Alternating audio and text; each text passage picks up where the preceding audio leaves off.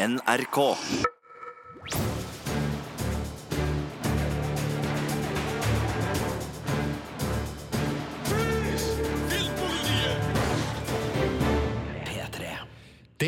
En ære og glede å ønske deg hjertelig velkommen til en ny podkast fra oss i Filmpolitiet. Jeg heter Birger Vestmo, Jeg heter Marte Hedenstad. Jeg heter Sigurd Vik. og i denne podkasten skal vi se oss tilbake, for vi må jo det når det nærmer seg nyttår. Hva var best på film og TV i 2018? Det har vi selvfølgelig fasiten på. Og vi skal. Ja, nei, men altså, så selvsikre må vi jo være, folkens. For vi har jo sett veldig mye av både spillefilm og serier, og har anmeldt flere hundre av dem i løpet av året som har gått. Og eh, jeg tror vi skal starte i TV-ruta nå.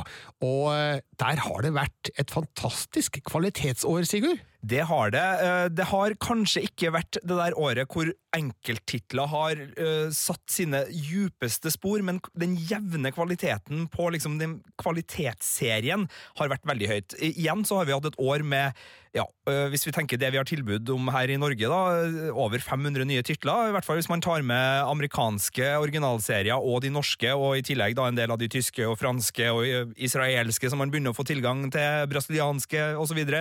via Netflix og de andre strømmetjenester. Ikke sant? Så tilbudet er jo enormt. Det betyr jo at vi har jo ikke sett alt, men vi har sett det vi mener er de viktigste, og de vi har fått med oss er de, de store. Og der har det vært uh, mye spionserier. Jaha. Og mye skrekkserier. Mm. Eh, Det er litt snedig, men det sier kanskje noe om eh, tiden vi lever i. Eh, På spionfronten så har vi hatt alt fra liksom popkornvarianter med Jack Ryan og Homeland sesong 7, eh, og så har vi hatt litt sånn historiske som The Looming Tower, som handla om etterretningstjenesten før terrorangrepene i New York. Og så har vi hatt den meget realistiske Le Byrå, som kom med sin fjerde sesong.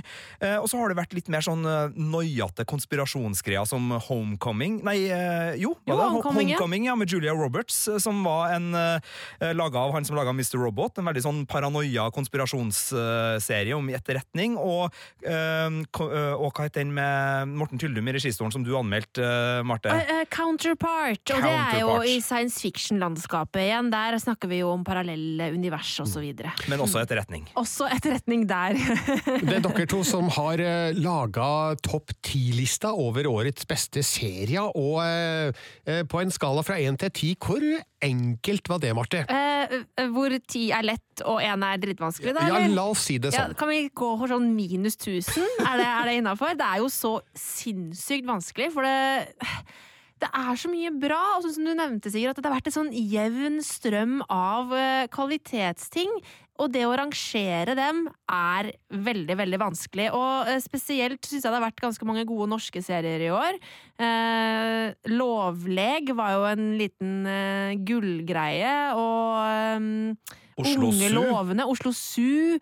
Eh, bare en natt, eller hva det var den het. Altså, En natt, ja. En natt, altså, og de kom, ikke, de kom ikke inn på lista! Lykkeland. Og det, og det er, er, skjærer meg litt rann i hjertet, men, Ja. men sånn er det når man skal kjøre på med en topp ti. Da må man uh, stikke kniven inn noen darlings, altså. Ja, jeg må si bare, nå, nå tør jeg å si det her eh, helt bastant. Det her har vært det uh, beste norske serieåret jeg har fått med meg noensinne. Uh, når, ikke sånn enkeltserie. altså her, Mine favorittserier har kommet tidligere. Da snakker vi Dag og Koselig med Pace og Kampen for tilværelsen og sånn, men jevnt over, altså mengden kvalitet som har kommet i år på den norske seriefronten, helt fantastisk. Så en stor applaus til norsk TV anno 2018. Det har vært en eh, fryd å, å følge med på.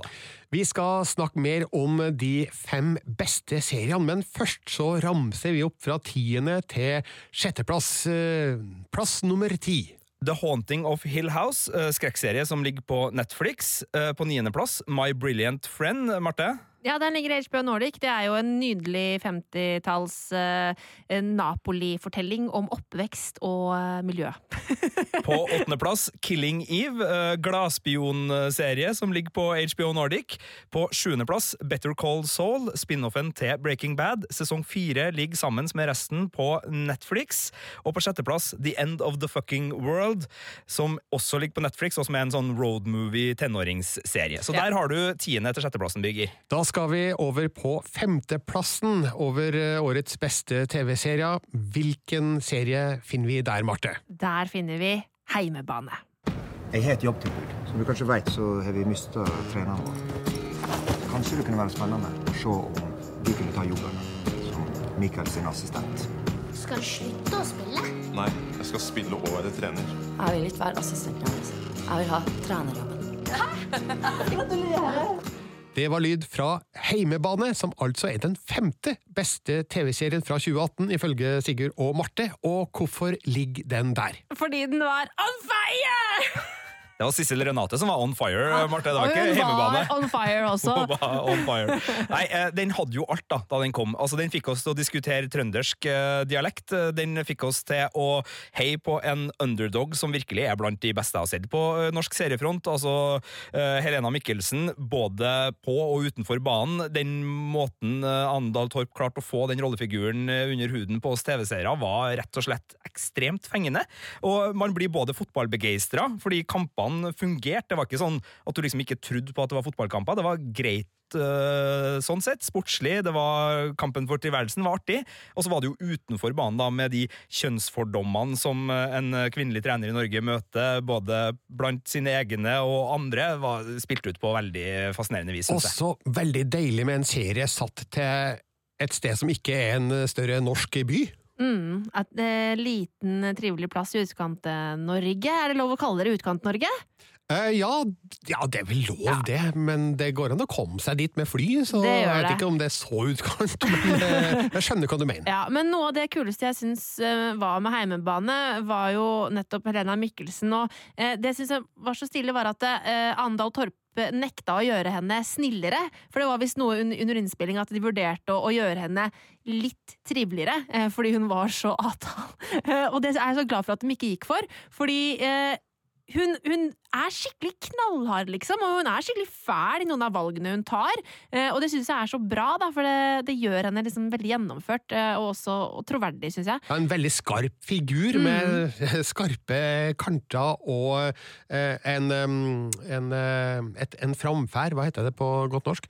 Framferd er jo godt norsk, da, Ja. faktisk. Eh, eh, som går på tvers av de kjønnsrollemønstrene som kanskje er litt for godt innarbeida. Mm, enig. Og så fikk jeg også skikkelig lyst til å bli eh, fotballfan.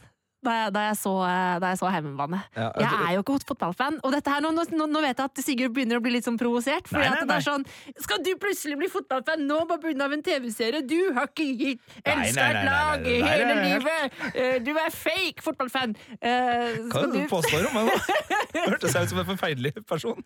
Du er litt Må innrømme det. vi hadde en diskusjon, og det var i anledning fotball-VM. Der med når plutselig alle sammen blir fotballinteressert og tar over puben. Det er en annen sak. Det, der skal jeg være enig om at når jeg mister fotballpuben min til folk som egentlig ikke liker fotball, men som bare er sånn Artig det her, da! Koselig! Og du liksom sitter her i 52 uker i året Ja. ellers med Det, De- det der jeg blir litt De, eh, de er meg nå. Eh, Ja, så jeg ja, jeg har fått meg et lag å heie på, og um, det syns jeg er veldig trivelig. Alle er velkommen. Mm. Rausheten stråler av meg som alltid. Jeg er ikke en bitter, bitter gammel mann i det hele tatt. Men heimebane lyktes på flere fronter. altså Det sportslige var spennende, og Ja. relasjonene utafor banen var interessante. Og noen av personene vi møtte var jo skikkelig besnærende. Og eh, jeg likte veldig godt Jon Carew og hans Ja. rolle. Han viser seg som en, en mann med flere talenter. Altså, Jeg eh, anmeldte jo en av de aller første filmene Jon Carew spilte i, Høvdinger? 'Høvdinger'. Eh, det var en ganske dårlig film. Eh, og da husker jeg skrev i anmeldelsen at jeg syntes det var veldig vanskelig å si noe om Jon Carew sin skuespillerprestasjon, fordi manuset var så utrolig dårlig. Eh, at når han da sa ting, så begynte jeg å flire fordi det var dårlig.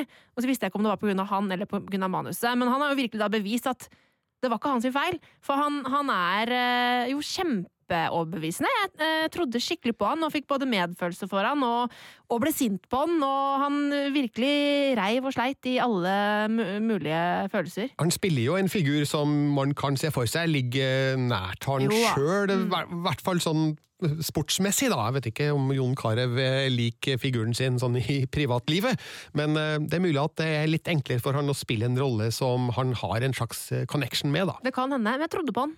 Jeg var uh, og spilte et uh, brettspill som heter Showtime, tror jeg, her for da, forleden dag. Og der var det sånn at du får uh, kort med franske skuespillere, var et av spørsmålene. Og så må du liksom gjette Du må bare ramse opp masse franske skuespillere, og så får ja. du liksom, hvis du har alle ti, så får du poeng. Og der var Erik Cantona blant de ti franske skuespillerne. Så det sier jo noe om at hvis man har kjendisstatus fra et annet felt, så blir man fort en veldig berømt skuespiller også, selv om man kanskje bare har spilt i en film eller to. Nå snakker jeg om Erik Cantona, Ja, altså. Men det er jo klart, Winnie Jones, den engelske fotballspilleren, Cantona. Eh, du har jo også Dwayne eh, The Rock Johnson og John Cena, som er wrestlingstjerner. Som har Mm. Det er et eller annet med når idrettsstjerner eh, går til filmen og lykkes, som gjør at vi blir litt sånn ekstra begeistra som publikum. Ikke det? For at vi er veldig glad i dem i utgangspunktet, og så får de enda en sånn aura av grandness som, eh, som begeistrer. Jeg har et par ting til å si om heimebane, hvis jeg får lov. Ja, ja, ja. Ja, altså, um, Ane Dahl Torp spiller jo trønder i serien, og Sigurd, jeg og du, vi er trøndere, og eh, alle som snakker dialekt eh, reagerer nok når folk som ikke snakker den samme dialekten, plutselig gjør det på film eller på TV. Uh, og det er nok mulig for trøndere å skjønne at Ane Dahl Torp ikke snakker trøndersk sånn til vanlig, men hun overbeviste meg. Ja, jeg kunne ikke ha brydd meg mindre om det der debattspetakkelet når det gjaldt dialekt. Jeg syns uh, Andal Torp har en helt eh, adekvat og velfungerende trøndersk dialekt som ikke skurrer for meg på noe som helst vis. Altså, Jeg er jo ikke trønder, så, men, men eh, jeg kan jo si Jeg har jo et øre og klarer å høre hvordan folk snakker. Og jeg, jeg tenker at en trønder som har bodd i Oslo noen år, liksom.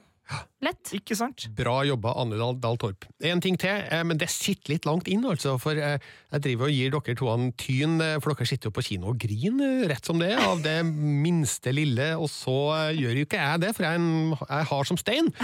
Men vet dere hva? Det store klimakset i siste episoden av Heimebane Tårene rant. De rant, og det har ikke jeg turt å si før nå. Eh, så eh, det må ha vært noe med den serien, altså, som traff. Ja, det, det, det der er sykt imponerende. Altså Serien som får Birger Vestmo til å grine. Det må være et eller annet eh, med den serien som gjør noe andre serier ikke kan, tydeligvis. Så er spent på heimebane sesong to, for å si det mildt. Velkommen i Grineklubben. Takk skal du du er. Takk æresmedlem skal du nå! ha. Du er æresmedlem nå! Ok, godt å høre. Det var femteplassen på lista over årets eh, ti beste TV-serier. Hvor skal vi reise, nær sagt, eller hvor skal vi nå på fjerde? Ja, men Det er kjempefint. Vi bruker påskelabyrintens metode, og vi reiser til Frankrike. Celui qui deviendra le leader de l'intelligence artificielle sera celui qui dominera le monde. Les Russes pensent qu'on est des couillons. Il y a plein de trucs que je sais faire qu'ils savent pas faire. Plug any drive into this computer because you would be arrested immediately for espionage. Og det her var lyd fra Ja, det må jo ha vært lyd fra det jeg tror det er lyd fra, men si det. Le Byrå, og sesong fire er da sesongen som kom i 2018. Men vi kan jo skyte inn at for ø, oss i Norge så kom egentlig sesong én til tre nesten i 2018 òg, for den var en serie som dessverre NRK var treig med å få ut fingeren og, og sende, men når de først gjorde det, så kom det tre på rappen, og så fikk vi den fjerde nå. Og det er allerede lova en sesong fem, så ikke, nå, nå er vi i- bortskjemt her, altså. Eh, Jeg følger ikke med seriefronten så godt som dere gjør, så jeg hadde jo hørt om Le Byrå, men hadde ikke tenkt så mye på den før den plutselig var her, og da var det jo helt fantastisk å ha tre hele sesonger å binche på en gang. Det var nydelig, og det er jo en sånn serie som mange syns er litt eh, treig. Jeg har gode venner også her i P3 som har sagt at jeg sovna på første episoden, den Oi. har ikke jeg gidda, og, altså, den, den er ikke for meg. Og det er helt fair, fordi for det første så er det en sånn, en sånn serie du ikke kan legge bort telefonen fra, for du må følge med hele tida, så den er ganske krevende. De snakker krevende. jo fransk, ikke sant? Og da ofte når det er engelske TV-serier, så, sitter du, jo- så kan du se ned på telefonen fordi du likevel hører hva de sier. Her må du for første lese teksten hele tiden, og så må du følge med hele tiden pga. det er så mange små detaljer. Ja, men Det er heller ikke en sånn serie hvor dialogen er forklarende. Altså Hvis du ser en episode 24 med Keefer Sutherland, så trenger du egentlig ikke å følge med på skjermen for å hele tida få vite Ja, de sier alt som skjer. Det er så, jeg skal gå dit, jeg skal gjøre det, jeg skal, og nå vet jeg hva Ja. Men jeg forstår egentlig de som ramla av etter første episoden på et vis, fordi serien introduserer figurene og miljøet ganske tregt og forsiktig. Ja. Du blir liksom kasta midt inni det, og så blir det opp til deg å finne ut hva som foregår, og hvilke relasjoner som er viktig å følge med på her, og hvilke opplysninger som er verdt å legge merke til og ta med seg videre. For øh, den har ikke den den eh, introduksjonen som vi kanskje er vant til da, fra ja, spesielt amerikanske serier, der alt skal etableres eh, lynraskt. Her, her går det i et litt eh, lavere tempo, men når det først kommer, da, da sitter det som ei kule. Det gjør det, og nå har jo vi vært litt som serien. Vi starta med å beskrive en serie som vi egentlig ikke har sagt helt sånn konkret hva handler om. Eh, Så vi kan jo bare ta Nei, vi, veldig ja. vi tar det jo for gitt at alle vet hva serien handler om, men det er jo selvfølgelig ikke riktig. Nei, det her er da en uh, fransk spion slash etterretningsserie som er lagt til nåtid, og som handler om uh, franske spioner, rett og slett, og deres arbeidsplass. De sendes ut på ulike oppdrag, spesielt da mot Midtøsten og Iran, og uh, nå i denne sesongen også Russland, i tillegg til at man alltid har en gjeng som er på kontoret. Og det er en veldig realistisk tone. Serien har fått veldig mye skryt for å ikke ty til kalle hollywoodske typiske presentasjonsformer, men hold det nedpå og vis altså eh, du, Det er ikke sånn walk and talk der alt forklares. Du må liksom, Hvis du skal ha en harddisk, så må du gå ned i kjelleren, så må du kvittere ut for den harddisken, så må du ta den opp, og så må du putte USB-kabelen inni, og så kan du se hva som er på den. Det er ikke sånn at du får opp hvilken som helst kamera for hvilken som helst skjerm hele verden over, bare ved at du går bort til The Tech Department, og så bare wow! Men er det ikke det distributørene også har reklamert med, da? At dette er serien som spionene selv følger med på? Det har de eh, til de grader. Eh, Jeg har lest litt intervjuer både med eh, litt sånn anonyme kilder fra etterretningstjenesten i Frankrike og serieskapere og sånn, og sjøl om det er en veldig realistisk tone, og en del franske etterretningsfolk blir invitert på førpremiere, og det er en sånn god, så er det jo allikevel en TV-serie som bruker eh, filmfortellingen og seriefortellingens metoder for å både underholde og eh, fortelle historier. Det gjør jo at eh, noen gang så er jo troverdigheten på en helt annen plass enn realistisk. Spesielt så gjelder jo det at hvis du har et rollegalleri, så vil du at mest mulig skal skje med rollegalleriet direkte, noe som gjør at uh, det er et par personer her som opplever mer enn de kanskje ville ha gjort. Uh, jeg leste annet en uh, etterretningsagent som uttalte seg og sa at det fenomen ville aldri ha blitt sendt ut på, på nye oppdrag hvis det her var i, i nærheten av virkelig. Altså Blir du brent én plass, da er du toast. Da er det ikke snakk om at du får nye oppdrag i nye land. Så en del sånne kunstneriske friheter har jo serien tatt seg. Men det som skjer med personene i sesong fire er jo såpass spennende og underholdende at man glatt eh, går med på at det kanskje ikke er fullstendig realistisk? Ja, jeg har stor sans både for den nye sjefen som kom inn, som er en gammel båndskurk, og jeg har stor sans for eh, at eh, man bygger videre på Moltrø, som er da hovedpersonen, og lar hans eh, emosjonelle klangbunnen få enda større plass i denne sesongen. For hvis man skulle ha liksom hoppa fra person til person, sånt, så hadde man jo mista den dimensjonen. Og den syns jeg virkelig fikk blomstre i sesong fire. Det var både sårt og vondt og, og skikkelig trasig til tider, men det gjorde at dramaserien Le Byrå en veldig, veldig, hadde en veldig god sesong. Det var fjerdeplassen. Le Byrå sesong fire, og da skal vi opp på tredjeplassen. Og hvilken serie ligger der, Marte? Der ligger The Marvelous Mrs. Maisel! One year ago, my old life ended and my new life began. The greatest star. I want to be successful. I am by far. But I haven't told my friends or my parents. But no one knows it. Except my. The Marvelous Mrs. Maisel i sesong to er altså tredjeplassen, og den har jo du snakka varmt om lenge, Marte. Og den begynte jeg å se på for ei uke siden. Ja, ikke sant? Det er deilig! Jeg skulle ha begynt mye før, hvorfor gjorde jeg ikke det? For det her er jo virkelig en av de hyggeligste, koseligste, morsomste og mest velspilte seriene jeg har sett på lang tid. Ja. Eh, For de som ikke har sett eh, The Marvelous Mrs. Maisel, hvem er hun? Hun er en eh, ja, jødisk rik husfrue fra The Upper West Side i New York på 50-tallet. Eh, Og hun er en ganske vittig og skarp og rar dame. Hun spilles av Rachel Brosnahan for øvrig, som er glimrende i rollen. Eh, Og når da eh, Miss Maisel, eller Miriam aka Midge Maisel, oppdager at eh, mannen hennes er eh, utro, eh, så ramler hun utpå en lita fyllekule en kveld. havner inn på en ganske så brun pub, griper en mikrofon og lirer av seg noen gloser om den jævla mannen sin, og blir da oppdaget som standup-komiker. Det var første sesong. Nå i andre sesongen så har hun funnet ut at standup-komiker det er faktisk det jeg ønsker å gjøre med livet mitt. Og så handler det da om hvordan hun forsøker å etablere seg som da kvinnelig komiker på 50-tallet, og, og det er jo ikke lett, for å si det forsiktig. Eh, Hvorfor liker du denne serien? Altså, Rachel Brosnahan må jeg bare liksom skrive med store bokstaver. Eh, hun er hun er fabelaktig, briljant, lysende! Altså, hun er en stjerne på himmelen. Hun tok meg med storm i, da hun dukka opp i, i første sesong. Og altså, hun, hun har en så utrolig god komisk timing.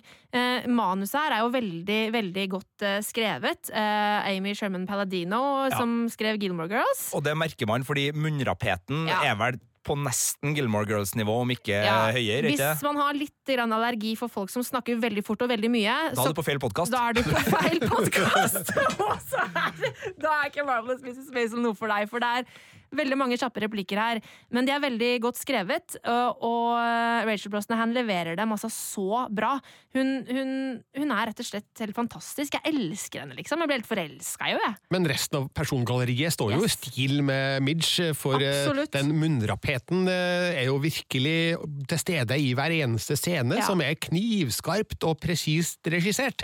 Og godt klippa, og en helt eventyrlig bruk av 50-tallsestetikk rundt det her, som eh, fenger meg godt, i hvert fall. Jeg som er en sånn stor fan av Mad Men, for eksempel. Ikke sant? Ja, for jeg synes Vi må nesten ta en liten eh, sånn runde der, for det er jo uh, Mad Men eh, i en litt annen lystig versjon, på sett og vis. det her. Det er så detaljfokusert på kostymer, Mm. på koloritt og, og på den måten. Og det er jo, Så hvis du er en sånn TV-serietitter, og dem finnes det jo en del av som elsker det estetiske, altså hvis du liker The Crown fordi du ønsker å se på The Crown fordi den er så fin, hvis du digger House of Cards fordi at du syns interiøret og eh, kostymene der Mm. var så fint, så er jo The Marvelous Mrs. Maisel også en serie som Ja. gir deg en skikkelig sånn fin uh, virkelighetsflukt inn i, eh, inn i det estetiske. Eh, og det er jo en virkelighetsflukt, fordi eh, eh, Midge er jo skikkelig Hun er jo rik. Eh, selv om hun liksom Å nei, nå må jeg bo i en så liten leilighet, og, og sånn innimellom, så er hun jo veldig rik. Og bruker enorme summer på klær, og er veldig opptatt av både klær og sminke og alle disse tingene. Sånn at det, det er ikke bare det at, eh, de ha, altså, at rollefigurene i serien har på seg klær, det, det er også veldig mye snakk om det. Så hvis du er moteinteressert, eh, og da spesielt i 50-tallsmote, så er jo den serien her en drøm. Jeg tenker at, eh, altså, Nå har jeg bare sett to episoder, men jeg snakker jo som om at jeg har sett hele serien begge sesongene. Men, men eh, tenker det at, filmen, nei, at serien er, lagt til 1958, eh, er jo et poeng, fordi at den kunne jo faktisk ha vært eh, satt til i dag, egentlig. det. Men det at den er lagt til 50-tallet, gjør jo eh, hovedfigurens utfordringer langt større.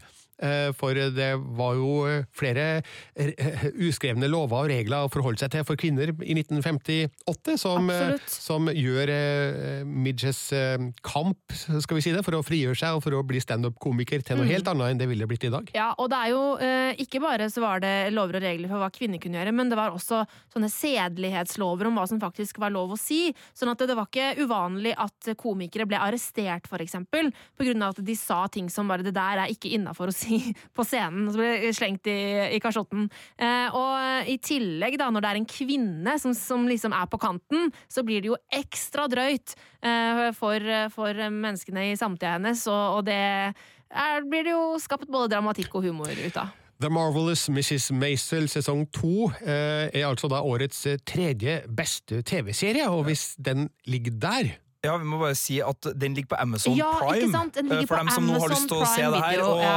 eh, så kan vi også skyte inn at eh, femteplassen Heimebane ligger på NRK, og fjerdeplassen Le Byrå ligger også på NRK. Så Ja. NRK, NRK og Amazon Prime så langt på, på strømmetjenestene. Viktig info å få med seg, men hvis Maisel da er på tredjeplass, hva i all verden ligger da på andre? La oss reise fra New York til Atlanta.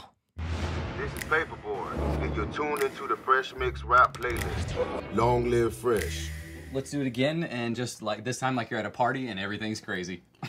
Atlanta var det vi hørte lyd fra der, og eh, hvilken sesong er vi på der nå, Sigurd? Det her var lyd fra sesong to, som var årets sesong. Og eh, Donald Glover, som da er både hovedrolleinnehaver og serieskaper her, har jo hatt litt av et år. Ja. Eh, han spilte Lando Calrissian i solo A Star Wars Story.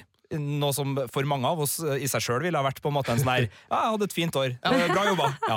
Eh, Så ga han ut This Is America-låta under artistnavnet Childish Gambino, som er hans alter ego på Eller ikke alter ego, men det er hans artistnavn. Eh, Bra låt, for all del. A-lista her på P3, og, eller i hvert fall lista her på P3. Musikkvideoen fikk musikkvideoen. stor oppmerksomhet. Fy søren, årets Mm. musikkvideo vil jeg nesten påstå. Det er noe dansing der, og noe tematikk og noe, noe ja, som virkelig er bra. Men det er jo Atlanta som er hans uh, storgeskjeft og hans hovedverk. Og det er en hiphop-komidramaserie lagt til eh, byen Atlanta, som eh, tematisk handler om alt fra økonomiske problemer, raseskiller, hverdagsrasisme og livet sånn som livet kan være. Eh, Men så er det da med en, jeg vil si, Seinfeld-god måte å lage forviklingskomikk på, som gjør det her både aktuelt, for det er jo satt til en litt sånn shady rappverden, eh, men også veldig poengtert og allmenngyldig, så det, det funker jo veldig bra. Og en del av folkene han har med seg, er jo eh, folk som gjør det bra andre plasser òg. Blant annet så er det en eh, medregissør her som heter Hiro Murai, som er en av regissørene som lager Barry, som er en annen veldig god komiserie som går på HBO om dagen. Eh, Og så er jo da Lakeith Stanfield en av de tre hovedrollene innehaverne. en skuespiller vi virkelig har kosa oss med i år, blant annet da med filmen Sorry to Bother You, som var Ja, Birger? Ja, det var en eh, virkelig frisk eh, debutfilm eh, fra regissøren som akkurat i skrivende, snakkende stund har glemt navnet på. Boot? Boots, Boots Riley. Ja. Boots Riley var det. Takk. Bra navn. Eh, Men eh, nei, det her er jo gjengs, eh, og han var også med i Get Out, og, og, og det er litt sånn det, Man kan finne fellesnevnere mellom alt fra Get Out, Sorry to Bother You og Atlanta. Det er en samfunnsbrodd her, og et, en indignasjon på samfunnet som, som tyter gjennom, og som bare føles oppriktig og ekte og troverdig, og helt rett. Altså veldig legitim. Eh, Jeg har et lite spørsmål, fordi uh, jeg har ikke sett sesong to av Atlanta, fordi den kun gikk på lineær TV og ikke kommet til eh, strømming her i Norge enda. Uh, men sesong én gikk sånn tidvis over i litt sånn det absurde. Ja. Gjør den fortsatt det i sesong to? Det gjør den. Den har noen episoder altså Her er enkeltepisodene dyrka fullt og helt. Det er egentlig en halvtimeserie, men noen episoder glir ut i 40-45 minutter. Og spesielt en episode som heter Teddy Perkins, som kanskje er den beste enkeltepisoden av TV som jeg har sett i 2018. Eh, Den sklir ut i en helt egen historie. Om uh, en person som skal hente et piano av noen han har eh, altså Sånn type eh, finn.no skal hente et piano, og så blir han forvikla inn i et gigantisk svært hus der det bor uh, et tvillingpar, og så bare skjer det veldig mye merkelig der.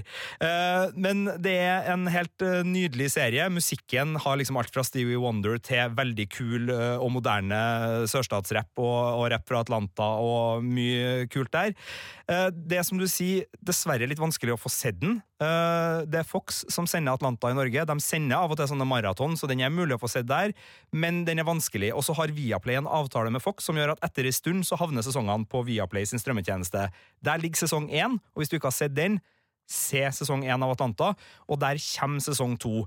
Eh, Den er ikke i salg enda, verken på norske nettbutikker eller eh, på type platekompanier eller andre på fysisk format, men hvis du har en amerikansk iTunes-konto eller tilsvarende, så kan du få kjøpe den der. Det har jeg gjort, sånn at jeg fikk sett det hele og har den eh, til gjensyn.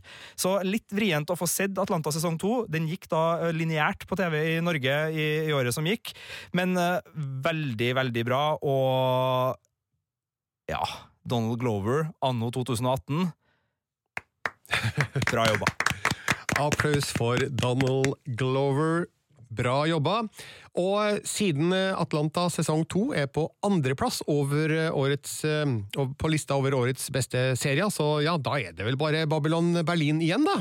Eh, nei. det er din favoritt, Birger, og jeg respekterer det. Uh, det er en veldig god serie. Den kom ikke med på topp ti hos meg og Marte. Jeg falt av den, jeg. Jeg så to episoder, og så falt jeg av. Sorry. Ja, sorry. nei, jeg kosa- jeg kosa meg òg med den, men den nådde ikke opp på, på topp ti-lista. Altså. Jeg rister bare på hodet. Ja, men men så, sånn skal det være. Men jeg tror du er med på førsteplassen, altså. Ok, hva ligger der? Sharp Objects. Mom said she saw a ghost once.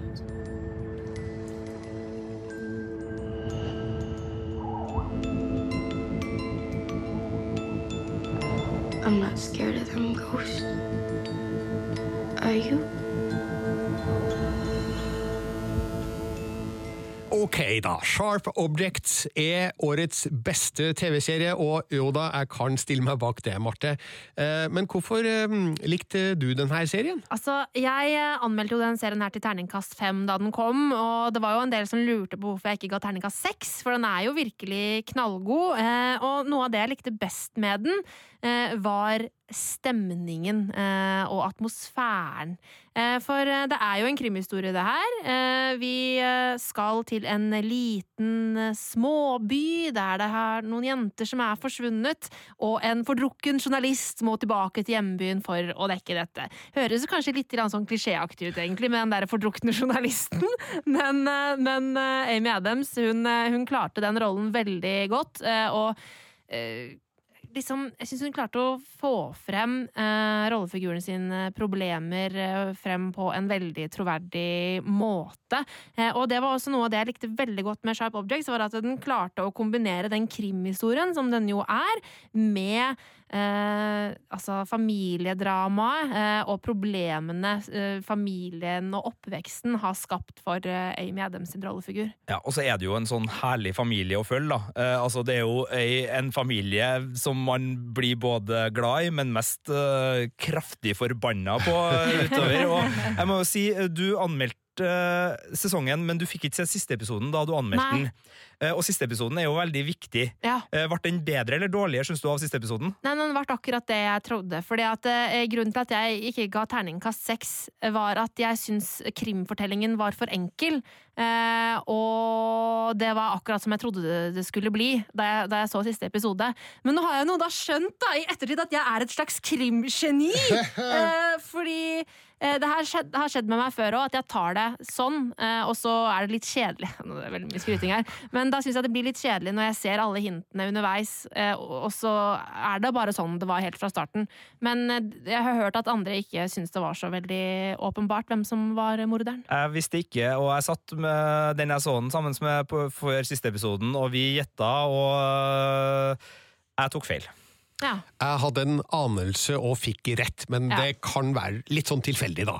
Men jeg er helt enig med deg, Marte, i, i det du sier om stemningen i Mm. serien, for den er ganske unik og spesiell, og den er helt usaklig godt uh, klippa, altså redigert, for her brukes både flashbacks og frampeik uh, sammen med det som skjer der og da, og gir en helt spesiell, altså det er en helt spesiell måte å fortelle en historie på, da. Ja, veldig, veldig bra. Altså. Det er både liksom flashbacks og frampek, men også tilstanden eh, til Amy Adams. Altså, rollefiguren hennes er jo veldig forstyrra, eh, og det er en del sånne klipp der som Altså, som fucker med oss litt. Sånn er det at Plutselig så står det altså, ting skrapet inn i nøkkelen på døra, men neste klipp så står det noe annet. Eh, og, eller at den bruker liksom eh, Skrekkelementer blir brukt til å tulle med oss lite grann.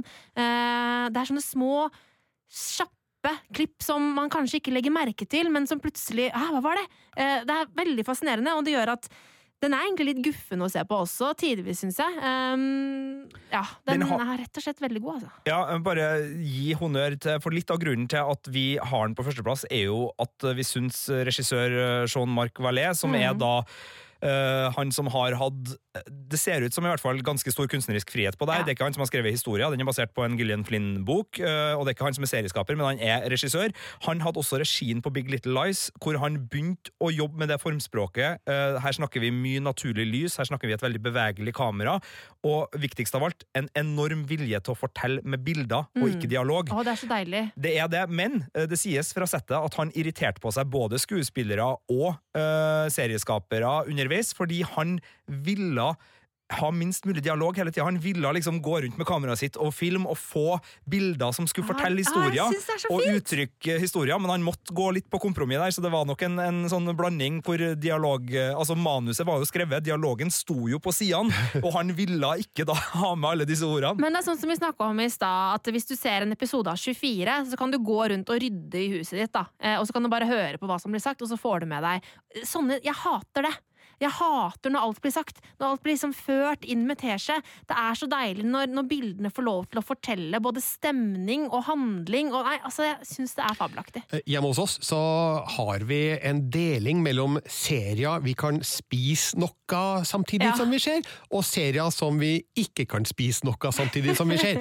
Og Sharp Objects var definitivt en eh, serie vi eh, måtte se uten å gjøre noe som helst annet. For her krevde det full konsentrasjon hele veien, og vi var redd for å gå glipp av noe. Så det her var en utrolig god serie, og eh, det er altså årets beste serie, ifølge Sigurd Vik og Marte Hedenstad. Eh, Jeg kan bare stille meg bak og si at eh, her tror jeg dere har rett, rett og slett. Og så kan alle som vil se den komplette lista over årets beste serier, finne den på p3.no filmpolitiet. Det var serien. Skal vi tørre å gå over i filmens verden? La oss gjøre det.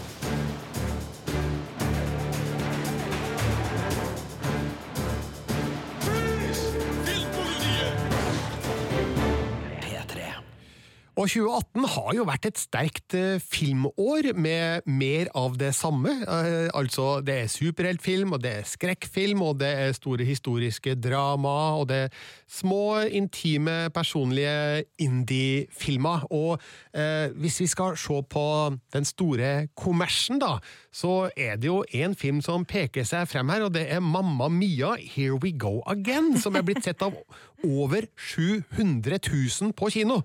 Og det er helt vanvittig. Ja, og ikke for å eh, si noe stygt om den filmen, som jeg ikke syns var veldig bra, men som jeg vet at Marte syns var ålreit pluss. jeg husker ikke hva jeg ga den. Var det Jeg tror du fire? ga fire. Ja, vi så den sammen. Eh, Men her er det jo mer enn bare filmopplevelsen som trekker publikum, vil jeg tro. Her er det noe med at man vil høre musikken og ha en gjenopplevelse, fordi den første Mamma Mia-filmen, som Birger har en veldig fin syngende anmeldelse av for øvrig, Ja. som er verdt å, få med seg hvis man går i Hvis man arkiver. greier å finne den, ja.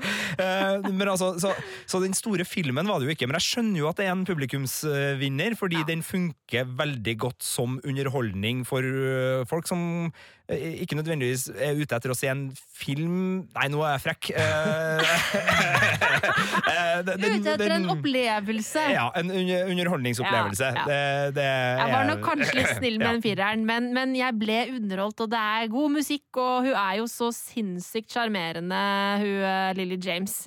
Hun Ja. er jo supersjarmis. Jeg har jo ikke sett filmen enda, Nei. men eh, den står på lista, altså. Eh, Men jeg har sett de tre neste på eh, besøkstoppen, og dem er norske, alle sammen, og det er jo litt morsomt. På andre er det Skjelvet, som er sett av 589 000.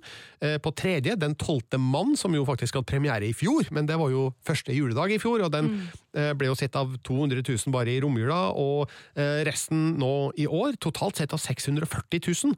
Og på fjerde Månelyst i Flåklypa, sett av 418 000, og på femte Mission Impossible Fallout, sett av 388 000. Den er norsk, den òg, ikke sant? På grunn av Den er, jo, den er jo litt norsk. Den er er jo faktisk det, det, altså. Så veldig Norsk skuespiller, norsk location. Veldig bra norsk deltakelse på topp fem, i hvert fall når det gjelder besøkstall. Kristoffer Joner har to filmer på topp fem. Oi! Ikke dårlig. Eh, applaus for Kristoffer Joner. Men eh, ingen av de fem filmene er på min topp ti-liste over årets beste filmer, sjøl om alle fem er gode.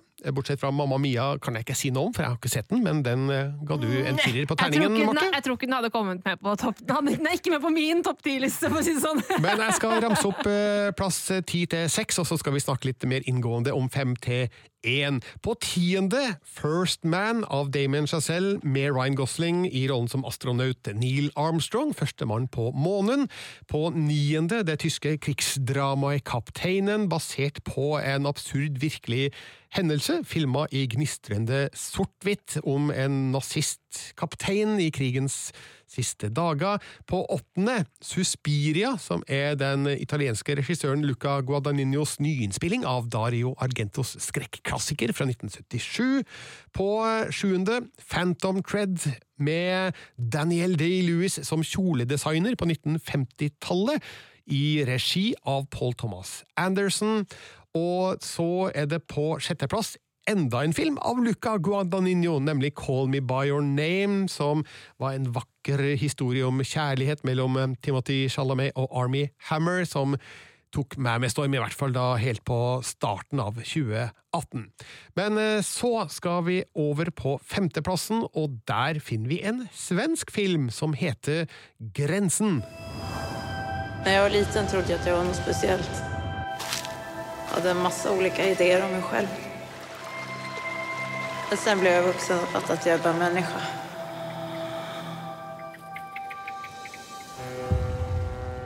Det var lyd fra Grensen, som jeg mener var årets femte beste film. Sigurd og Marte, har noen av dere sett den? Jeg har dessverre ikke sett den, selv om jeg hadde lyst da den kom, fordi den så jo veldig interessant ut. Jeg har sett den, og jeg syns den var både fornøyelig eh, og ganske rar. Ja, det har du helt rett i. Og da er det sånn at eh, filmens historie er av en sånn natur at vi må begrense oss litt eh, når det gjelder hva den handler om. Eh, men vi kan jo si at eh, det handler om en toller, Tina, spilt av Eva Melander, som eh, har et litt spesielt utseende og har noen spesielle evner som gjør at hun kan sniffe seg frem til de som smugler. På eh, ja, Det er vel ikke en flyplass eller en båthavn? Det er en båthavn, ja. Så det er dem som kommer med typ danskebåten. Og ikke bare kan ha lukt hvis du liksom har Altså, en god hund kan jo lukte narkotika eller sånne ting, men hun kan også lukte hvis du har noe å skjule. Ja, hvis du, å, Eh, å, herregud, alltid sånn Hvis jeg går gjennom eh, Eller når jeg går gjennom eh, tollen på flyplassen, og sånn, så blir jeg alltid nervøs. Selv om jeg ikke har smugla en dritt. Eh, Så går jeg og så er jeg nervøs. Så, Ja. Da hadde hun lukta det. Men Tina kan lukte frykt. Mm. Eh, en dag eh, kommer det en reisende forbi, eh, spilt av Ero Milonov, og eh, han har òg et spesielt utseende og noen spesielle evner, og eh, det her utarter seg på en måte som åpner Tinas eh, verdensbilde og forståelse av seg sjøl. Det er mye mer som skjer i denne historien enn eh, enn det her, men det var sjølve utgangspunktet da for grensen. Men vi kan jo være så rause at vi sier at her blandes eh, norrøn mytologi, konspirasjonstriller, eh, dramafilm og gudene veit. Altså, det er ei salig blanding av mye forskjellig som er eh, Høres voldsomt ut, men som fungerer kjempegodt sammen. Ja, det er absolutt. liksom helt nydelig fletta inn i hverandre, og eh, alt fra location, som er For dem som har vokst opp i Bygde-Norge, i hvert fall, så er det veldig gjenkjennelige locations man får se her. Det er det der uh, husbankhus-installasjonen fra 70-tallet som, som er veldig gjenkjennelig, og det er trappa man har sett hos naboen, og det er liksom alt det der, og en litt sånn gråhet, men allikevel så blir den spennende, fordi det, det er, ligger noe av trykket da, hele tida. Og det er skandinavisk skau gjennom store deler av filmen som i Grensen blir brukt på eh, nye og spennende måter. Eh, En film med friske og uvanlige personkarakteristikker, med utrolig godt skuespill av både Eva Melander og Ero Milonov, og eh, alle de andre vi møter i denne filmen, som er regissert av eh, Ali Abbasi, svensk-iransk filmskaper, som virkelig har tatt hånd om Jon Aivide Lindqvists manus, og laga en virkelig eh, skandinavisk eh, filmopplevelse av det. Jeg vet ikke om jeg, har greid å pirre interessen din jo, nå, Marte? Jo, jo, jo. Altså, jeg eh, har jo egentlig alltid hatt lyst til å se den, eh, så jeg må bare få surra meg til det. Eh, Det er så mye man skal ha gjort, vet du, Birger. For mye film for liten tid. Det var femteplassen i hvert fall. Grensen heter den, og på fjerdeplass der finner vi en belgisk-nederlandsk film som heter Girl. We gaan de vrouwelijke puberteit zo goed mogelijk nabootsen. Maar de effecten zijn dus wel onomkeerbaar. C'est pas compliqué. Tu veux qu'on prenne pour une fille ou pour un mec Fille. Mais voilà. Jeg så Girl på filmfestivalen i Haugesund uten å helt eh, vite hva det handla om. Jeg var litt sånn lite forberedt eh, egentlig på filmen, og ble skikkelig, skikkelig emosjonelt berørt av historien som utspiller seg. Det er et nydelig drama om en eh, tenåring eh, som spilles av Viktor Polster, som da åpenbart eh, er en eh, mannlig skuespiller. Men han spiller da en ei jente i filmen som er født i guttekropp, og som da kjemper for å skifte kjønn, samtidig som hun forsøker å følge sin store drøm her i livet, nemlig å bli ballerina. Så her foregår det mye på en gang, og det er jo skikkelig sterkt å følge denne unge jentas eh, kamp for sin egen eh, kjønnsidentitet, og se hvordan hun støttes av sine nærmeste, sånn helt uforbeholdent. For når man går og ser en film om noen som skal skifte kjønn, så ser man jo for seg at uh, her blir det mye Slem far. Slem Slem far far, og slem far, dramatiske familieintriger. Men i stedet så er det jo da en nydelig skildring av hvordan eh, både faren og broren eh, støtter hun helhjerta, og eh, det er et familieforhold fylt av respekt og kjærlighet. Så vi, vi slipper de herre skal vi kalle det tradisjonelle Mm. konfliktene og utfordringene som vanligvis skjer i alle de andre filmene vi ser om folk som skal skifte kjønn. For dem er det jo mange av. Nei, det begynner jo å bli noen, da. det er jo ikke det. Men, men jeg tenker, som jeg skrev i anmeldelsen min, så er jo da eh, Laras eh, utfordring med kjønnsskifte så stor i seg sjøl at man trenger ikke noe mer utapå det. Eh, det er sterk nok, det som eh, fortelles om eh, hennes eh, både indre og ytre kamp, og eh, samtidig så er det noen helt fantastiske ballettscener her eh, som på mange måter minner meg om trommescenene i Whiplash, hvis dere husker dem? Å ja. eh, Helt sånn Det er sånn intenst eh, Han bare må tromme! Ja, han- Det er så mye følelser i trommingen. Ja, og, og Lara har et så stort behov for å uttrykke seg på, et, på en feminin måte, for å virkelig bevise for seg sjøl og alle andre at hun er virkelig jente, og det er kanskje derfor hun kaster seg ut i eh, ballett, som kanskje er et av de mest feminine uttrykka. Jeg tenker Det er lett å glemme uh, når man ser mye film, og ser mye Hollywood-film spesielt, uh, hvordan kroppslige uttrykk uh, kan bli kunst i seg sjøl, og, og dermed berike en, en film på en måte som løfter den opplevelsen fra eh, å bare være historier, til å bli det her er bildesekvenser som Mm. Stimulerer og som inspirerer og som treffer meg på en måte som egentlig ville ha fungert omtrent frittstående. Eh, og det høres jo ut som uh, Girl har noen sånne scener. Jeg mener jo at Whiplash-scener også lig, ligger i det landet, og det er en del Altså Man har masse idrettsfilmer som har uh, altså Bring It On. Kjempefin eh, cheerleading. Veldig bra cheerleading, men det er ikke noen uh, av de som liksom bergtar meg. Mens på noen dansefilmer så er det jo scener som bergtar. Uh, Dirty Dancing har kanskje ei eller to, men, men her men altså det, når, det, når det blir kunst, da.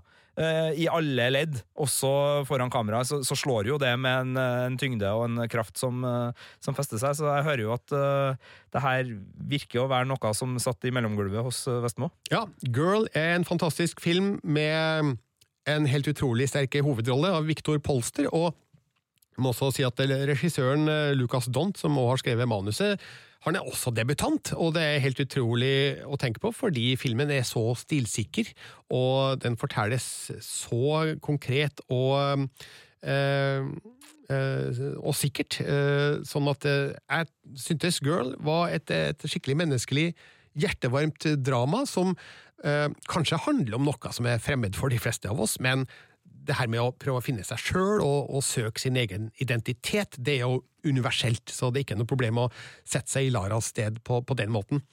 Og det er derfor jeg tenker at Girl er så bra som den er, da. Men du vet at du nå har to dansefilmer på topp ti-lista di, Birger? Ikke tenkt over det! Nei, det, Men, men, eh, det, det er et godt tegn, det, at du er i ferd med å bli en dansefilmfan. Jeg er glad i dans, jeg, altså, så det er kanskje ikke så tilfeldig som man tror. Uh, Girl er på um, fjerdeplass. Nå skal vi over på tredjeplassen, og der finner vi den amerikanske filmen The Florida Project. Okay, I warned you. One drip and you're out. Oh, come on! Out now. It's gonna melt outside. It's melting inside, too. But Bobby, Out. Thank you very much. you're not welcome. Det var lyd fra The Florida Project, som hadde premiere i februar i år. Og eh, det er såpass lenge siden at jeg tenker jo at det var i fjor, men eh, det var det jo ikke. Det vil si, det var i fjor filmen var en snakkis, eh, men den kom til Norge først i februar i år og har kinopremiere i dag, og det er derfor den er med på denne lista. Eh, Sean Baker er det som står eh, bak den, og han har laga en helt utrolig fin film om beboerne på et motell i Florida, som bokstavelig talt ligger i skyggen av Disneyland. Altså, det er ikke en metafor engang. Altså, eh, hotellet ligger i skyggen av tårnene Mm. eh, i Disneyland, og eh, det er jo en veldig eh, fin beskrivelse på fattige amerikanere i skyggen av den store kommersen. Og vi følger noen små barn som eh, finner seg til rette som best de kan da, i eh, hotellets nærmiljø, og vi ser hvordan de voksne de har rundt seg stadig fucker opp og ødelegger for seg sjøl, og eh, egentlig kjemper en hard kamp da for å ja, leve fra dag til dag med små midler og forholdsvis eh, triste utsikter. Noen av dere som så The Florida Project? Ja, jeg så den. Eh, likte den kjempegodt. Eh, og den var, eh, den var vond og fin på samme tid. Altså, hun som spiller hovedrollen Moon, eh, Brooklyn Prince. Mm. For en imponerende unge. Altså, jeg fatter ikke hvordan det egentlig er mulig eh, å spille så bra som så liten. Er hun bare seg sjøl? Jeg veit ikke. Utrolig imponerende. Jeg tror det må være en blanding av et stort talent og veldig god instruksjon fra regissøren, men hun er virkelig et eh, funn som eh, ja, elsker kameraet. Ja, altså, og, ja, og vi elsker hun hver gang hun er med. Også William Dafoe. Eh, han ble jo Oscar-nominert for sin rolle som motellmanageren Bobby. Gjør en veldig god innsats, eh, der vi ser at han eh, strever med å holde ting i orden på motellet, samtidig som eh, han er nødt til å slukke branner både her og der, og bli en slags reservepappa for disse barna som går rundt der og er stort sett alene hele dagen. Så dette er virkelig en film verdt å, å, å se, bare for å oppleve hvordan de fattige amerikanerne faktisk eh, har det eh, i dagens eh, USA. Det er ikke noe mye puter sydd under armene der, og man kan jo bare trekke sine egne slutninger om hvordan det amerikanske samfunnsstrukturen motarbeider det, hvis du befinner deg på den delen av samfunnsstigen der de er, da. Si- Sist gang William Defoe het Bobby og hang rundt moteller, var vel i Wild at Heart, da under navnet Bobby Peru. Er En litt hastlig gangster, så det er jo en litt sånn snedig parallell å se en voksen Bobby eh, da har tatt over motellet, som han eh, drev og, Og høsla på parkeringsplassen. og blitt eh, litt koselig. Eh, da jeg så The Florida Project, så minnet den meg om to andre ekstremt gode filmer som jeg har likt de senere åra, nemlig Beasts of the Southern Ja. Wild. Altså, Den har litt av den samme skildringa av eh, barnlig fantasi i en voksen verden. Ja, for det er noe med det at eh, vi ser jo eh, denne veldig fargerike eh, verdenen gjennom eh, Moons øyne, og liksom selv om vi på en måte ser alt det shadye som foregår på motellet, og foreldrene eller moren da som ikke får det til, så, så er det en sånn barnlig glede i det også. Eh, hun, hun, klarer, hun klarer seg og har det artig oppi all elendigheten. Så det som er sånn, den derre sårheten også balanseres av noe av det fine også. Da. Så blir det en sånn veldig sånn emosjonell miks der. Ja, jeg har også trukket paralleller til American Honey, som var en av de beste filmene jeg så i fjor, var det vel? Disse åra går så fort at jeg husker ikke om det var i fjor eller forfjor. Jeg tror det var i fjor. Eh, spesielt eh, i, i det, figuren Hallie, da, spilt av Brya Vinight, altså mora til, til Mooney, som eh, har ganske tunge forhold å prøve å tjene penger under, og ikke noe særlig solfylte utsikter heller. Eh, Sånn at eh, dette er en glimrende film som eh, både er søt og morsom på en måte, men trist og depressiv på en annen også, så her er det litt av hvert som foregår, og jeg syns Sean Baker har laga en fantastisk film med en særegen atmosfære og bevegende skuespillerprestasjoner, og så elsker jeg den slutten da, av The Florida Project. Skal selvfølgelig ikke avsløre den her, men uh, I anmeldelsen min så skrev jeg at den slutten den er, like håp, den er like nydelig og håpefull som den er sørgelig og hjerteskjærende, så kan du bare glede deg til den. Så The Florida Project det var den tredje beste filmen i 2018. På andreplass skal vi ha en polsk film. Tenk det! Den heter Cold War. Dwa serduszka, cztery oczy. Oj, oj, oj. Co płakały we dnie w nocy. Oj, oj, oj. Czarne Ja, Cold War den så jeg på filmfestivalen i Cannes i mai, og det var en av de aller beste filmene jeg så der. Altså, det var vel kanskje rett og slett den desidert beste jeg så i Cannes, siden den ligger på andreplass på min liste, og førsteplassen ble ikke vist i Cannes. Eh, Den ble vist på en annen festival, men mer om det senere. Um, Cold War er laga av Pavel Pawlikowski, som er en polsk regissør som um, også hadde sin forrige film på kino i Norge. Den het Ida, og um, ble filma i sort-hvitt i et eh, veldig smalt 4-3-format, som eh, ikke veldig mange blir filma i nå til dags. Eh, men han har fortsatt det filmatiske, visuelle språket i Cold War. Altså, det her er den andre sort-hvitt-filmen på lista di, Birger. Kapteinen var også sort-hvitt. Hva, hva er det med det som, som fenger deg sånn? Hvorfor blir det så spesielt med, med sort-hvitt? Jeg veit ikke om det er sjølve sort-hvitt som fenger først og fremst. Altså, det er jo bare en del av det stilistiske uttrykket som filmskaperne har valgt. Men eh, når det passer inn, så passer det jo veldig godt inn. Og jeg kan også nevne Netflix-filmen Roma av Alfonso Cuarón, som nesten kom inn på topp ti. Den er også eh, skutt i, i, i sort-hvitt. Eh, Sjøl om den filmen Jeg vet ikke helt hvorfor Cuarón har valgt å, å filme den i sort-hvitt, men Kapteinen, som lå lenger ned på lista, og Cold War er jo selvskrevne sort-hvitt-filmer fordi de handler om en epoke som eh, vi forbinder med sort-hvitt-film. Og eh, når det gjelder Cold War, så er fotoet her så utsøkt nydelig at jeg blir nesten sittende og grine i kinosalen, for det er så nydelig! Altså, det er en scene jeg skriver om i anmeldelsen min, der eh, filmens eh, hovedfigurer er på en båt eh, ned Seinen i Paris, og eh, det er så fantastisk flotte, stemningsfulle bilder der at jeg ønsker at den scenen skal bare var og var og var, og så gjør den dessverre ikke det, men eh, så lenge det varer, så er det aldeles nydelig. Men det her er ikke den eneste fantastiske, fantastiske sekvensen i Cold War. Her er det masse snodder å se på, og um, blant annet en del skildringer av polsk eh, folkedans og musikk, som er dypt imponerende og emosjonelt berørende. Skal jeg si hva det handler om? Ja, ja gjør det. Eh, det er altså da en kjærlighetshistorie. Eh, Det foregår i eh, Polen, Berlin, Jugoslavia og Paris på 1940- og 50-tallet. Og det handler om en dirigent, Viktor, spilt av Thomas Koht. Og øh, han drar rundt på den polske landsbygda med et øh, orkester som da fremfører folkemusikk, og de har med seg en dansetropp. Og en av danserne øh, er Sula, spilt av Joanna Kulig.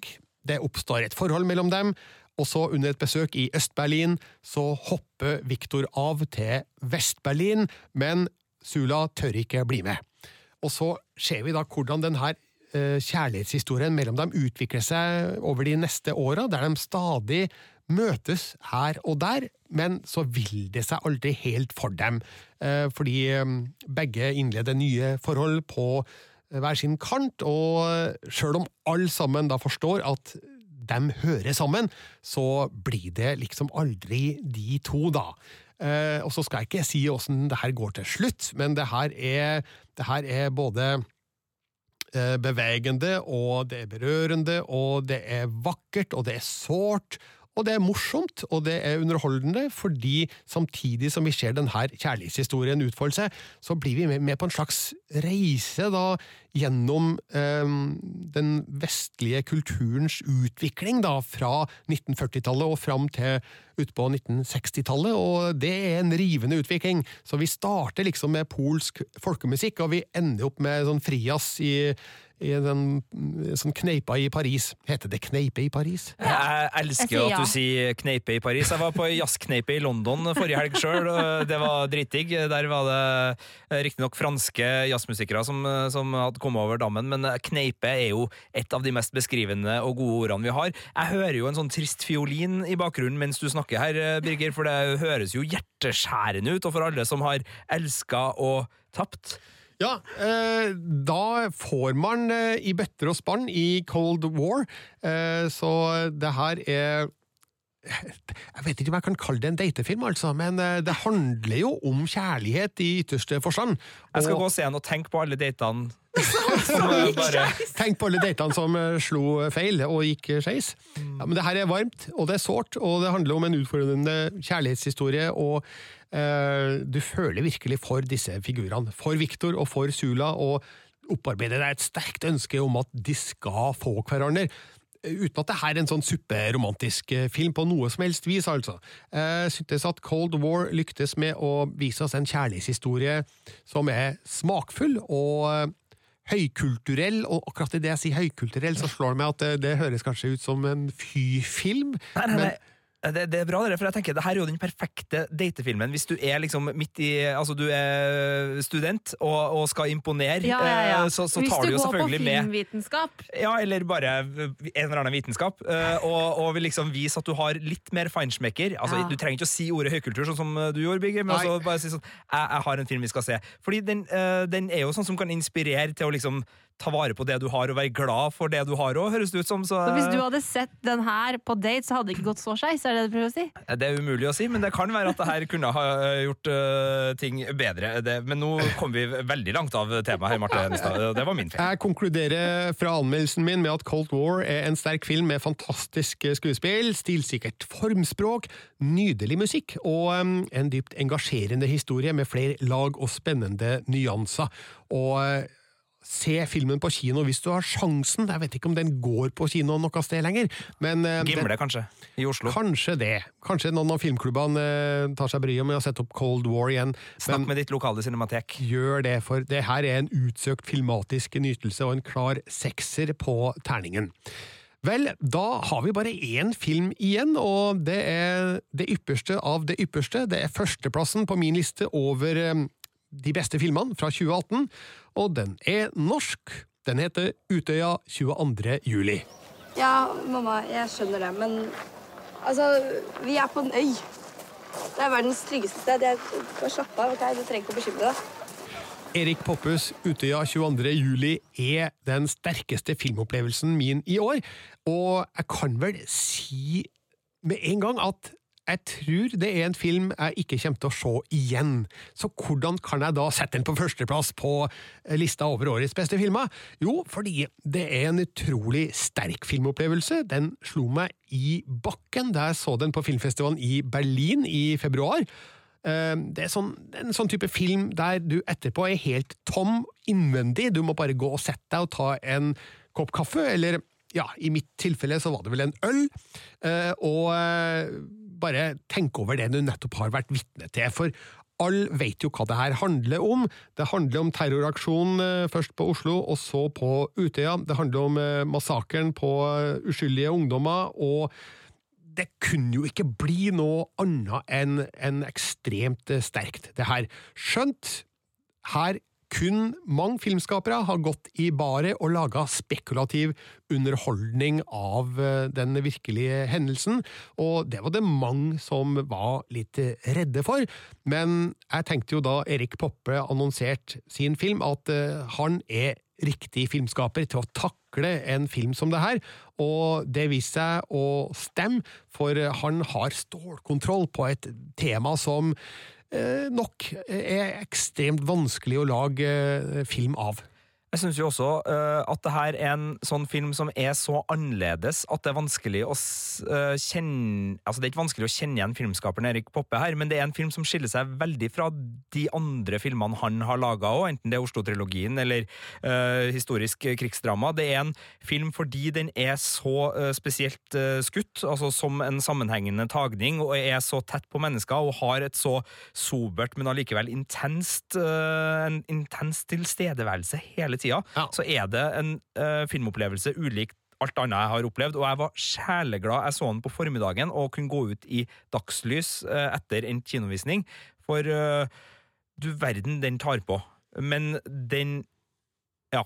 Den har påkjenning, rett og slett, og den starter jo på en veldig eh, betegnende måte, fordi eh, den oppdikta figuren Kaja, spilt av Andrea Berntsen, hun ser da inn i kameraet og sier noe sånt som eh, 'dere vil aldri forstå', og da, da tenker du at hun snakker til oss, hun snakker til publikum, og så viser det seg at hun snakker jo til mora si da på telefon, og eh, det handler jo om eh, noe uskyldig, jeg husker ikke helt sammenhengen her nå, men hun, hun snakker jo om at de er trygge på øya, og eh, det har vært en bombeeksplosjon i Oslo, og de har det bra ute på Utøya, og ingenting kommer til å skje der. Og så ser vi jo da hvordan glade ungdommer har eh, en leir der de har det godt og trives sammen, og plutselig så begynner skuddene å hagle rundt dem. Og fra da av så er jo det her en ekstrem intens filmopplevelse, der vi følger Kaja og et knippe andre ungdommer på flukt gjennom skauen.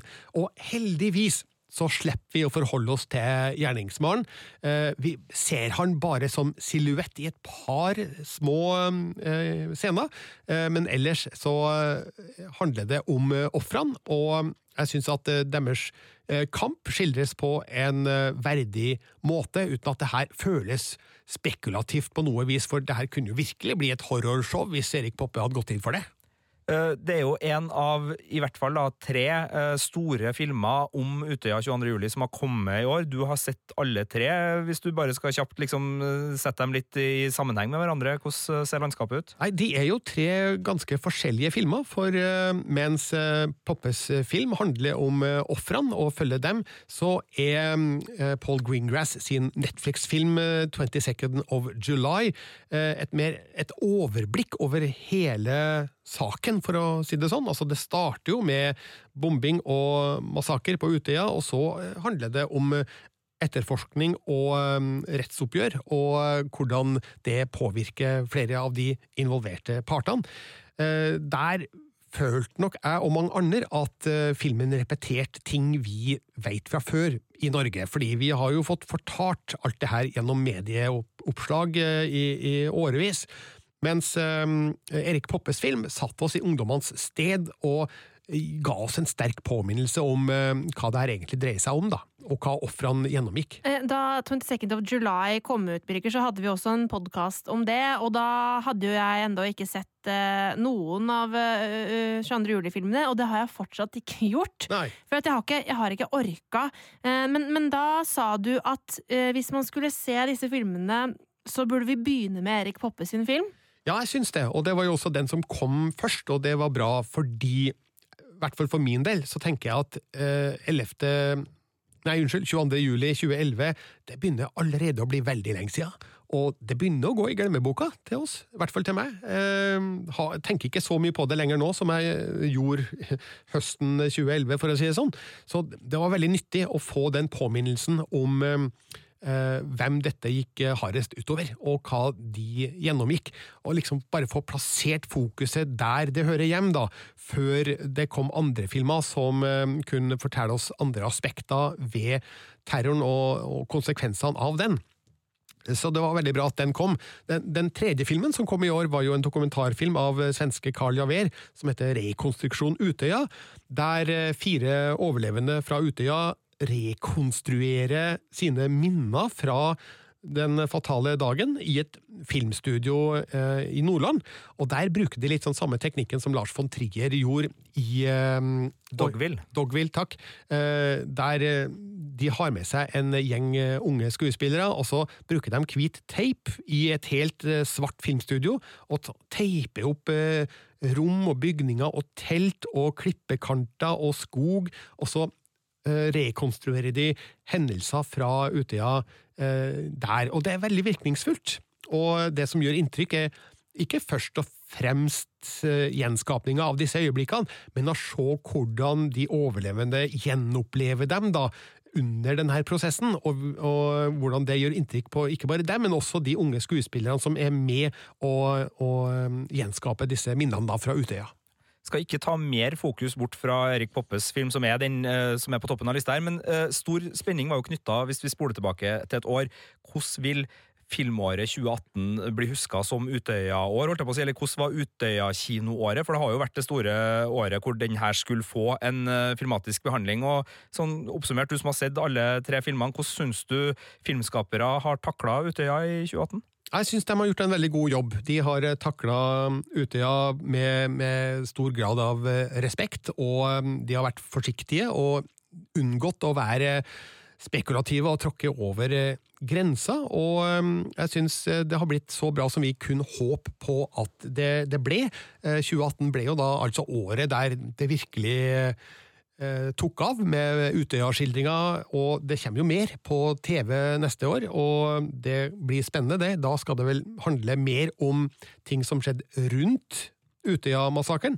Men nei, det vi, kan si oss fornøyde, hvis det går an å si det, da, om, tre Utøya-filmer, eh, med hvordan eh, stoffet ble håndtert der. Så det var en del som hadde sine eh, betenkeligheter før disse filmene kom i år, men jeg tror at de aller fleste er ja, på en måte fornøyde da, med, med, med, utfallet, for det har, det har blitt tre gode filmer som takler tematikken på tre forskjellige måter. så mm, Utøya 22. juli er den beste av dem, og det er flere grunner til det. Altså, En stor grunn er Andrea Berntsen, som er nykommer, og som spiller helt vanvittig fantastisk godt i Utøya 22. juli. Maken til filmdebut det har jeg knapt sett, fordi hun har en ekstremt utfordrende rolle som eh, er foran kameraet hele tida, og kameraet går jo i ett. Altså, filmen fortelles jo som én lang sekvens. Riktignok er det noen skjulte kutt her, men det er likevel utrolig lange tagninger der eh, det stilles store krav til skuespillerne. Og eh, Andrea Berntsen er en av de som eh, virkelig gjør en fantastisk innsats, som gjør at vi, vi forstår den horroren og den frykten og de påkjenningene som Kaja uh, har i filmen. Uh, gjentatt Kaja er en oppdikta figur, men hun er av en sånn type som godt kunne ha vært på Utøya den dagen. Uh, og foto, som er nevnt, er jo også vanvittig godt gjort. Martin Ottebekk er som har håndtert kameraet, og det følger jo med på flukten gjennom skauen på, på, Utøya, og er tett på i, i alle mulige situasjoner. Og vi er liksom en del da, av eh, disse ungdommene som, som, flykter fra kulene. Eh, det gjør sterkt inntrykk, og så er lyddesignet vanvittig godt, fordi de som har hørt et gevær bli avfyrt i virkeligheten, de vet at det smeller utrolig mye høyere enn i en vanlig actionfilm, da, skal vi si det. Eh, og her er det helt øredøvende når det skytes i nærheten av ungdommene. Der har lyddesigner Gisle Tveito virkelig skjønt hvordan man skal lydlegge på en dramatisk og virkelighetsnær måte, og det er med på å gjøre Utøya 22. juli til en fryktelig sterk film. Så det er årets beste film for, for, for min del, eh, men som jeg sa, jeg vet ikke om jeg skal se den om igjen. Eh, har du forståelse for det, du, Sigurd? Det har jeg stor forståelse for. Det er mulig jeg kommer til å se den om igjen, men det blir i så fall for å se den sammen med de andre, noe jeg ikke har gjort ennå. Men det er en sånn film, og det finnes mange av de filmene hvor man må rett og slett bare øh, komme seg etmodig hvor det er mulig å se dem. Det funker ikke å bare komme hjem fra jobb en hvilken som helst dag og se Lilja Forever eller Utøya 22. juli eller Lars von Triers øh, filmer som er av den øh, verste sorten. For de tar sånn på da, at du må rett og slett være i en eh, plass, både sånn hverdagsmessig at du har eh, den mentale eh, sida på plass, men også at du har muligheten til å kanskje ta en øl eller en kaffekopp etterpå og snakke ut med noen, fordi det, det gir sånne inntrykk som er lurt å, å få ventilasjon på. Vil du få med deg hele lista, så finner du den på p3.no Filmpoliti, altså de ti beste filmene fra i år, og også de ti beste seriene fra i år. Eh, det går mot slutten på denne podkasten, men eh, vi må minne om at vi også har anmeldt årets eh, julefilmer. Ja, eh, Hvis du vil høre oss snakke om dem, så kan du gå inn i radiospilleren til NRK og høre Filmpolitiets eh, siste sending der. Der er det mulig å få med seg hele julefilmsulamitten. Eh, og så er det jo også sånn at alle anmeldelsene selvfølgelig ligger på p3.no. Der kan du lese den endelige dommen og få virkelig kvalitetsvurderinger på om det er noe du skal bruke første eller andre eller tredje eller fjerde eller femte eller sjette juledag på. Og så må vi nevne at vi har jo en annen podkast gående, det vil si dere har det, Sigurd og Marte. Yes, Game of Thrones-podkasten er i gang! Og det er jo fordi at vi lader opp til april, eh, når Game of Thrones sin siste sesong skal begynne. Og det har vi gjort eh, denne, eller ja, forrige uke, da, eh, med Jeremy Podesva. En av de store Game of Thrones-regissørene som blant annet hadde regi på sesongfinalen i forrige sesong, og han hadde veldig mye spennende å fortelle, så sjekk det ut. Ja, og det ligger da altså ikke hos Filmpolitiet, det ligger i en egen podkast som heter Game of Thrones-podkasten, og der kommer det til å fylles opp greit framover. Så hvis du har lyst til å begynne å se Game of Thrones igjen før finalen, så som Marte sier, bli med oss, gjør det nå. Vi vil gjerne òg at du legger igjen en rating og en kommentar der du har henta denne podkasten, som for øvrig er den siste fra oss før jul. Det stemmer, det er årets siste, men eh, vi er tilbake rett over nyåret, og da kommer vi nok til å snakke en del om filmene og seriene vi gleder oss til i 2019, for vi har kikka litt i krystallkula, og den er full av snop. Det er mer enn nok å snakke om. Takk for oss, jeg heter Birger Vestmo. Jeg heter Marte Hedenstad. Jeg heter Sigurd Vik. God jul og godt nyttår!